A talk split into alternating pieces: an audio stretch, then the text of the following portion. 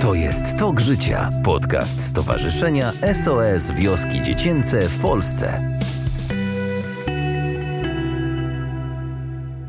Dzisiaj moimi gośćmi są dr Aleksandra Granada, antropolożka, socjolożka, scenarzystka, która swoją przygodę z trzecim sektorem zaczęła w 1994 roku jako wolontariuszka w projekcie alfabetyzacji mieszkańców małych wiosek na terenie Zimbabwe w Afryce, gdzie spędziła 6 miesięcy pracując w terenie. Od 2001 roku jest zaangażowana w organizacje pozarządowe działające w Polsce, zajmujące się zdrowiem, ochroną środowiska, a także pomocą opuszczonym i osieroconym dzieciom oraz rodzinom w kryzysie. Dyrektorka krajowa SOS Wiosek Dziecięcych, wielbicielka lasów i wypraw w nieznane, a także Piotr Łukawski, koordynator projektów międzynarodowych SOS Wiosek Dziecięcych, który od ponad 10 lat zajmuje się koordynowaniem i zarządzaniem projektami. Po latach pracy w biznesie i na własny rachunek zdecydował się na pracę, która, jak sam mówi, pozwala poczuć, że ma się pozytywny wpływ na życie innych i świadomość, że swoją pracą można ich wspierać bez względu na odległość, która nas dzieli. Piotrek, tak jak Aleksandra, lubi las, długie spacery z psami, kocha borsuki i jest certyfikowanym trenerem psów. Dziś gośćmi toku życia są Aleksandra Granada i Piotr Łukawski, świeżo po ekstremalnie ciekawej wizycie w Zimbabwe i tamtejszych SOS wioskach dziecięcych. Dzień dobry. Dzień dobry, dzień, Dzień dobry. dobry. Zwykle jak my tutaj w Polsce myślimy o Afryce, to myślimy o niej jako o całości, a to jest ogromny kontynent. Ty, Ola, masz porównanie, bo to była twoja, no nie pierwsza wizyta w Afryce. Prowadziłaś tam badania, byłaś tam bardzo długo y, i w Ugandzie, i w Kenii, w Tanzanii. Czym te kraje się różnią? Na pewno różnią się przyrodą. Osiem lat temu byłam w Kamerunie, też odwiedzałam nasze programy SOS w tym kraju. No, Kamerun jest dużo bliżej równika, więc tam jest e, inna przyroda.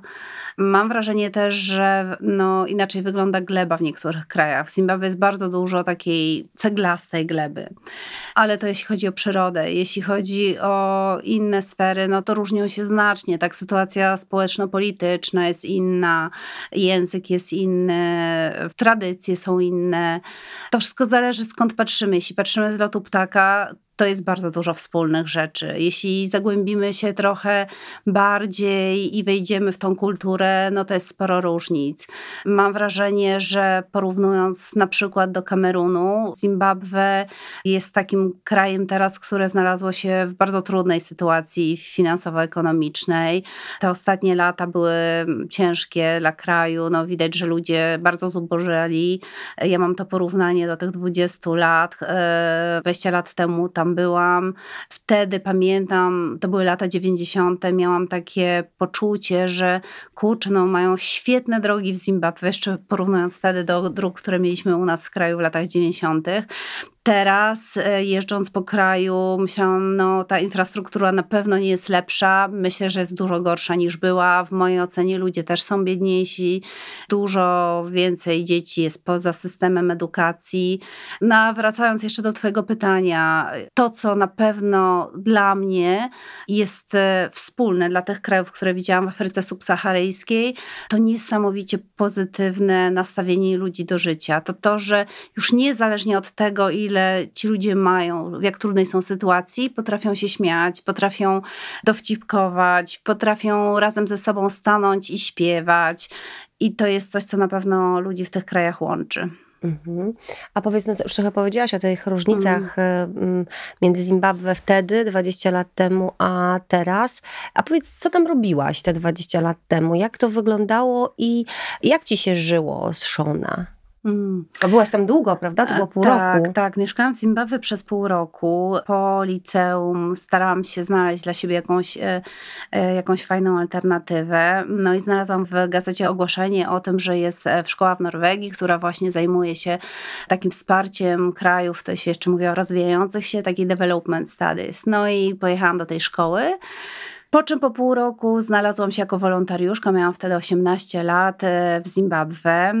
No i moją odpowiedzialnością były różnego rodzaju takie projekty społeczne w małej wiosce, która się nazywała Kukwanisa, e, blisko Mutare. Mieszkałam tam w takim domku, właściwie w takim lokalnym domku, w takiej chatce, tak jak mieszkają i mieszkali tam ludzie wokół mnie. Jedliśmy, bo byłam z grupą ludzi, takich mniej więcej w moim wieku z całej Europy. Jedliśmy to, co jedzą tam ludzie lokalnie, czyli taką papkę kukurydzianą, sadzę.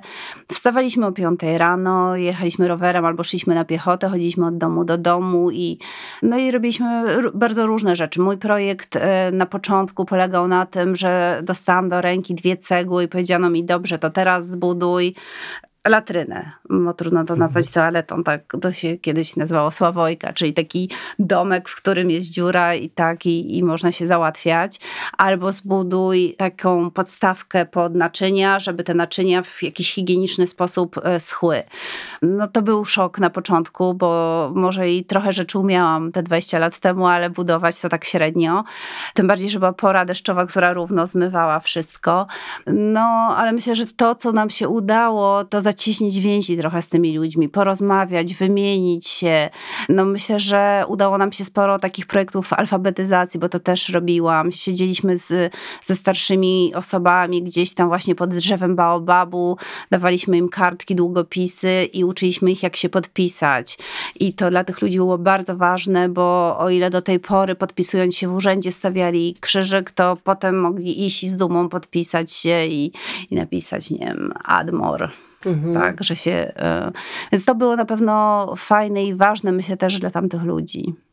Wtedy mówiłaś, że to wszystko zmywał ten deszcz i właściwie no, ta robota była taka trochę na marne, mówię o tym budowaniu i pamiętam jak kiedyś opowiadałaś mi tą historię, to powiedziałaś, że, że wtedy się przekonałaś, że oprócz chęci potrzebne są też zasoby. My tam na miejscu tak. mamy zasoby, w Zimbabwe są SOS Wioski Dziecięce, no to powiedz jakie?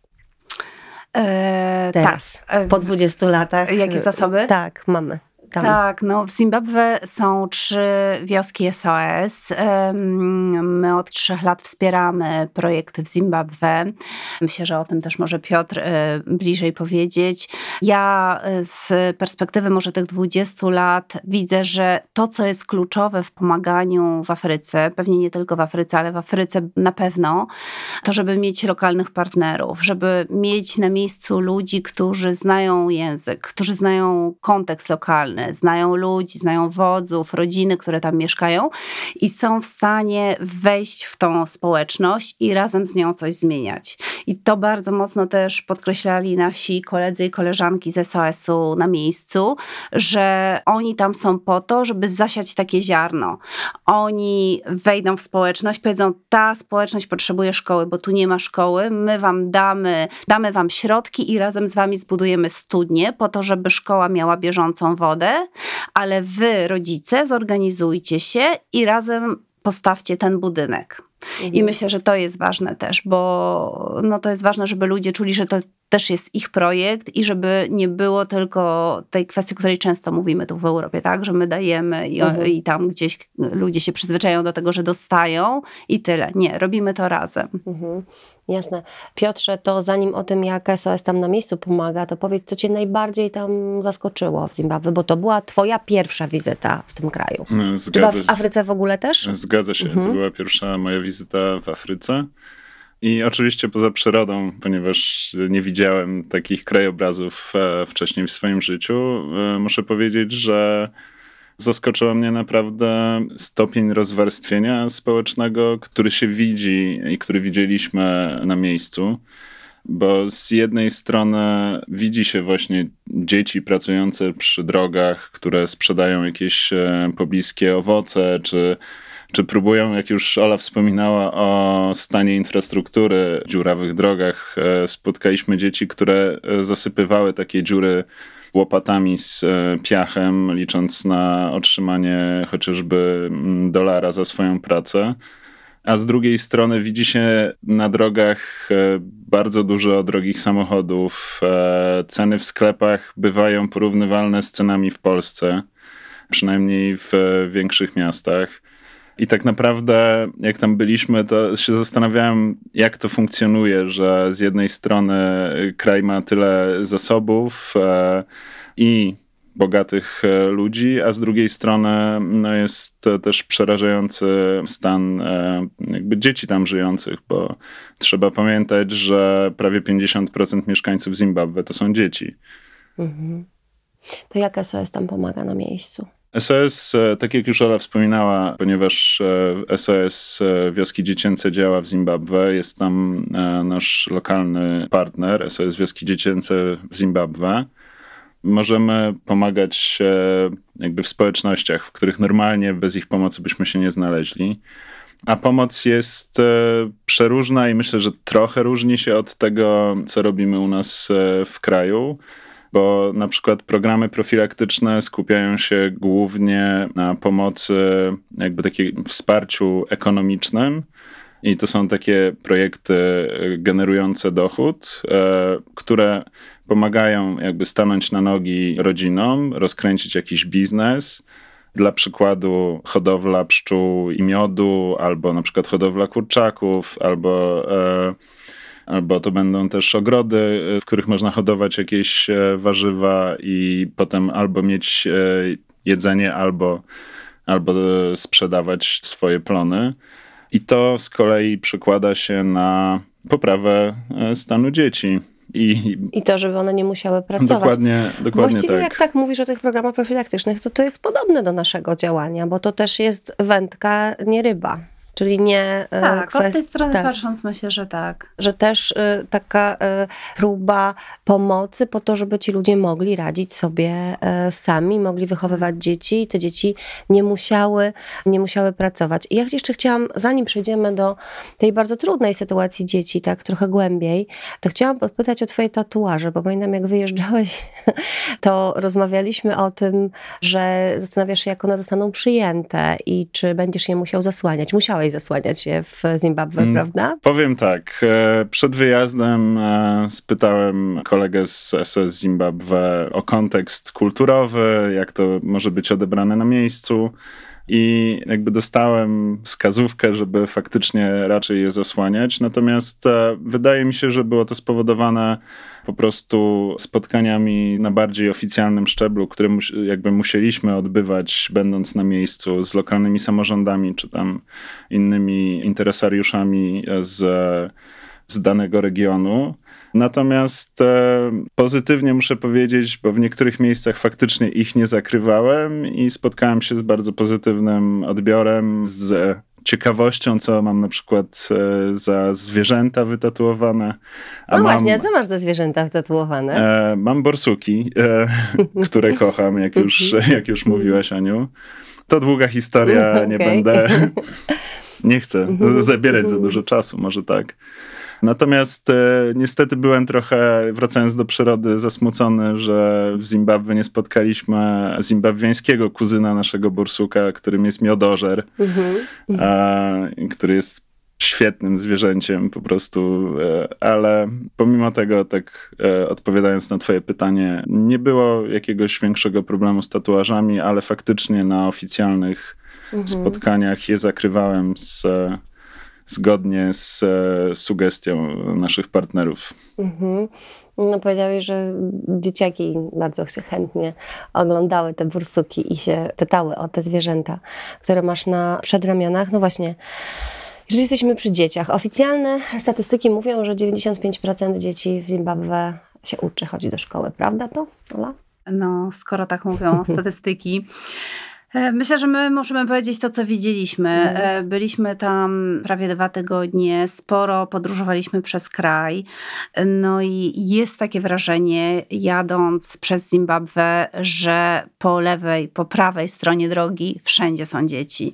I te dzieci, tak jak powiedział Piotr, albo zasypują dziury w ziemi, albo sprzedają owoce, albo sprzedają sznurówki. E, no to są wszystko zajęcia, z których być może uda im się tego dolara, nie wiem, po kilku dniach zebrać One są przy tej drodze, one nie są w szkole. To jest e, dzień e, szkolny, to jest taka godzina, gdzie dzieci na pewno powinny być w szkole. Bardzo dużo dzieci w tej szkole nie jest. Wiemy, że czesne w szkole w tym kraju wynosi za trymestr około kilkudziesięciu dolarów. To jest kwota, która jest dla większości rodzin absolutnie niedostępna. Bardzo wiele rodzin w Zimbabwe funkcjonuje w ogóle bezgotówkowo albo no, mając naprawdę małe zasoby środków finansowych. Wysłanie jednego dziecka do szkoły, kiedy trzeba zapłacić za czesne kilkadziesiąt dolarów, plus jeszcze kupić buty, książki, plecak, to jest w ogóle poza zasięgiem finansowym dla tych rodzin i to widać. Więc być może statystyki mówią to, co mówią. My widzieliśmy rzesze dzieci, które w szkole nie są. I też rozmawiając i z naszymi kolegami, i wiedząc, jaka jest informacja zwrotna od pracowników innych organizacji pozarządowych, które współpracują e, z rodzinami, pomagają dzieciom, wiemy, że za dużo jest tych dzieci, które do szkoły nie poszły i nigdy nie pójdą. I będą, no niestety, powielać schemat rodziców, których nie stać na to, żeby dzieci do szkoły wysłać. W związku z czym, tak jak wiemy, no trudno zmienić sytuację w kraju, w którym dzieci nie są w szkole, nie uczą się i, no, i nie mają wiedzy ani możliwości, żeby znaleźć dobrą pracę. No bo tylko edukacja y, powoduje to, że one Tak. do tej pracy pójdą. A jak jest w ogóle bezrobociem? Jak jest w ogóle z, Mm. z rynkiem pracy w Zimbabwe? No i tutaj znowu wchodzimy na ten taki, powiedziałbym, niepewny grunt e, w związku z tym, że statystyki mówią o tym, że bezrobocie w Zimbabwe bodajże wynosi między 5 a 6%.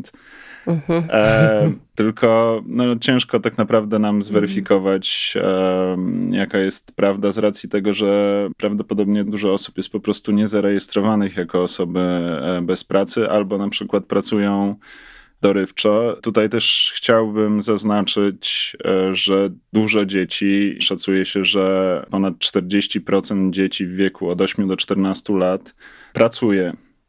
E, I podobna liczba łączy pracę ze szkołą. I to są najczęściej prace związane z uprawą e, trzciny cukrowej, tytoniu, ale też są, e, jest to praca w kopalniach złota głównie, e, też w tak zwanych biedaszybach, czyli jakichś prowizorycznych kopalniach, które wiadomo grożą. Bardzo. Są bardzo niebezpieczne. No i niestety Zimbabwe jest też e, obszarem, gdzie dzieci są wykorzystywane do pracy seksualnej. E, I stąd się bierze statystyka ponad 40% dzieci w wieku w zasadzie od 8 do 14, które pracują. Jest też na pewno problem młodych dziewczyn, dziewczynek właściwie, które wypadają z systemu edukacji przez no, chociażby ciąże, które się pojawiają. No i też nie są już potem w stanie do tej szkoły wrócić. Jest też problem dziewczynek, które zaczynają menstruować, które nie mają środków takich i takich możliwości, żeby w tym czasie do szkoły wrócić, więc też albo z tego systemu edukacyjnego wypadają, albo opuszczają te dni, w związku z czym kompletnie nie są w stanie nadążyć nad pozostałą grupą i też e, de facto są wykluczone z tej edukacji. I tu chciałbym poprzeć to statystykami, bo nawet już w tych e, oficjalnych statystykach e, jakby liczba dzieci chodzących do szkoły się mocno zmienia już na drugim jakby szczeblu nauki. To jest e, w Zimbabwe to wygląda tak, że najpierw dzieci idą od pierwszej do siódmej klasy, są w szkole podstawowej, to się kończy tam egzaminem, potem jest coś, co można nazwać naszym gimnazjum, e, którego już nie mamy. Nie ma. Mhm. I tam już te statystyki wyglądają tak, że już podobno 30% e, dzieci nie chodzi do szkoły, natomiast już w szkole średniej te statystyki spadają do 76%. Mhm. I to jest też związane właśnie z e, małżeństwami dzieci, głównie dziewczynek, e, z ciążami, e, no i w dalszym ciągu z pracą. Czyli to, co dla nas jest w tej chwili najważniejsze, bo jesteśmy przy dniu naszej kampanii, w której prosimy Polaków o to, żeby wsparli dzieci w Zimbabwe, w tym, żeby mogły pójść do szkoły, to jest właśnie edukacja. Gdybyście mieli zachęcić ludzi z drugiego końca świata, którzy też mają swoje problemy. Wiadomo, w Polsce też teraz nie jest lekko, choć te problemy są diametralnie inne niż te na tym drugim końcu świata, to jak byście to zrobili? Bo byliście tam na miejscu, widzieliście, jak ta pomoc przekłada się bezpośrednio na życie dzieci. Myślę, że chociaż problemy są diametralnie inne, to sprowadza się to często do tego, że jest rodzina, która bardzo by chciała wysłać swoje dziecko do szkoły, której rodzice, którzy dbają o to dziecko, chcieliby, żeby wyszło z tego kręgu biedy i bardzo im zależy na tym, żeby dziecko się po prostu uczyło, żeby miało szansę potem na lepszą szkołę, na jakąkolwiek pracę. I myślę, że ta miłość i dbanie o dzieci jest, e, no, jest takim wspólnym mianownikiem dla nas wszystkich. I myślę, że taka świadomość tego, że nie ma szansy na to, żeby polepszyć sytuację w tym kraju bez posyłania dzieci do szkół, bez tego, żeby w tym kraju też wykształciła się taka grupa świadomych liderów, którzy będą o ten kraj dbać, gdzie, tak jak z Piotrem widzieliśmy, no, potrzebna jest grupa osób, która będzie silna w zarządzaniu, która no, też będzie takimi lokalnymi liderami dla pozostałych osób. No, nie da się zmienić sytuacji w bardzo wielu krajach w Afryce, która no, jest ciężka. I, I tak jak powiedziałam, to nie widać, żeby to szło w jakąś stronę tak, że no nie wiem, jest lepiej, jeśli chodzi o Zimbabwe przynajmniej. Myślę, że, że to wsparcie jest tam bardzo mocno potrzebne. No bo szkoła to nie tylko edukacja, prawda? Tam w szkole jest jeszcze i często ciepły posiłek, jest wsparcie bezpiecznego dorosłego. Co jeszcze, Piotrek? Mm, szkoła to nie tylko edukacja, ale to też miejsce, w którym e, dzieci e, spędzają większość swojego czasu. Wiadomo, e, tworzą też relacje i więzi, które są potrzebne ze swoimi rówieśnikami ale także uczą się, w sensie, może nie edukacja w tym sensie, że nie w naszym rozumieniu, natomiast uczą się tam bardzo wielu przydatnych e, w życiu umiejętności.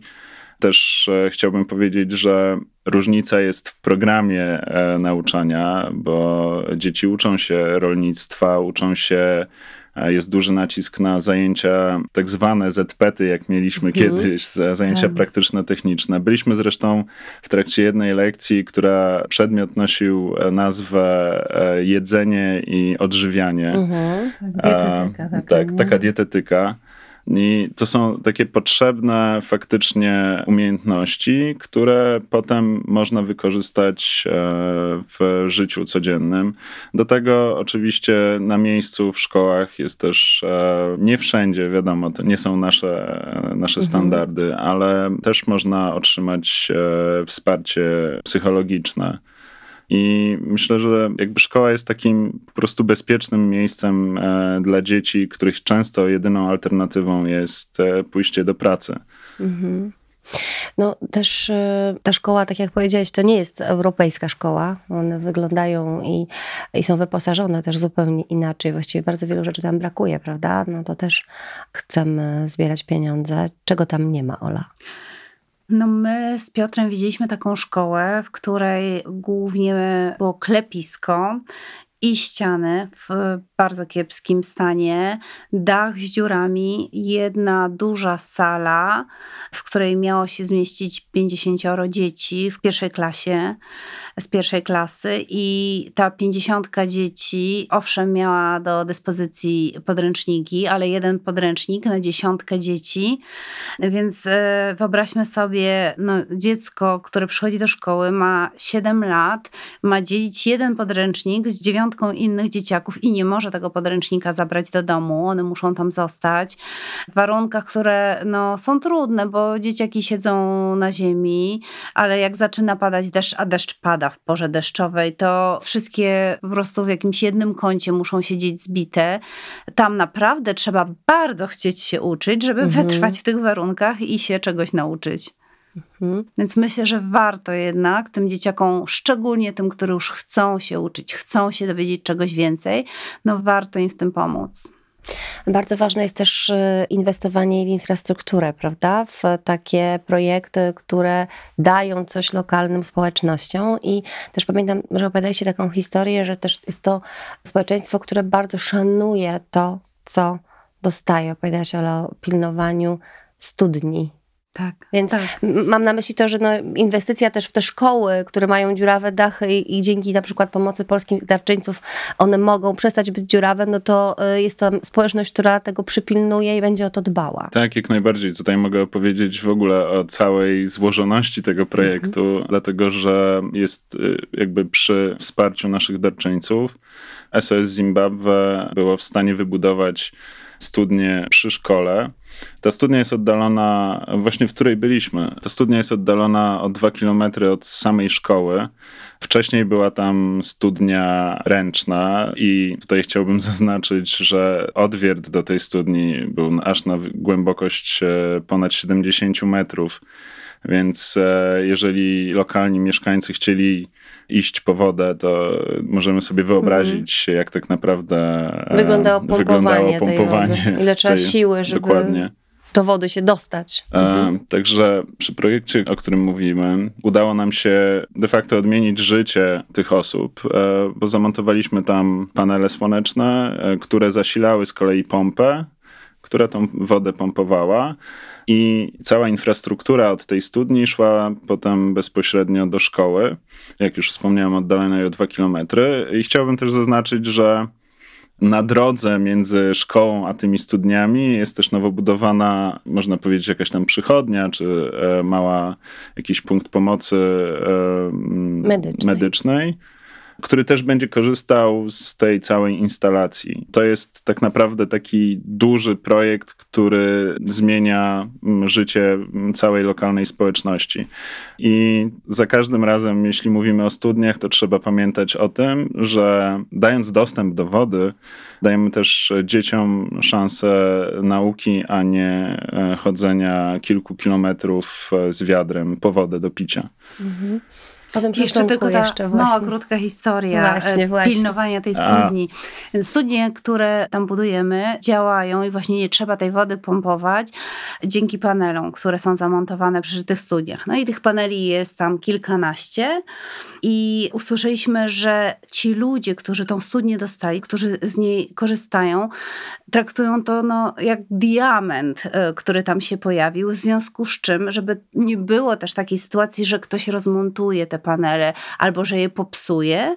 Co wieczór przychodzi tam pan, e, który jest, e, no zamieniają się tam mieszkańcy lokalnie, tak? Co wieczór przychodzi jeden z mieszkańców, stawia krzesełko i siedzi na tym krzesełku całą noc po to, żeby no, wszyscy mogli z tej studni korzystać i żeby nikt jej nie popsuł. Więc no, to pokazuje też, jak ważny jest to element w ich codziennym życiu.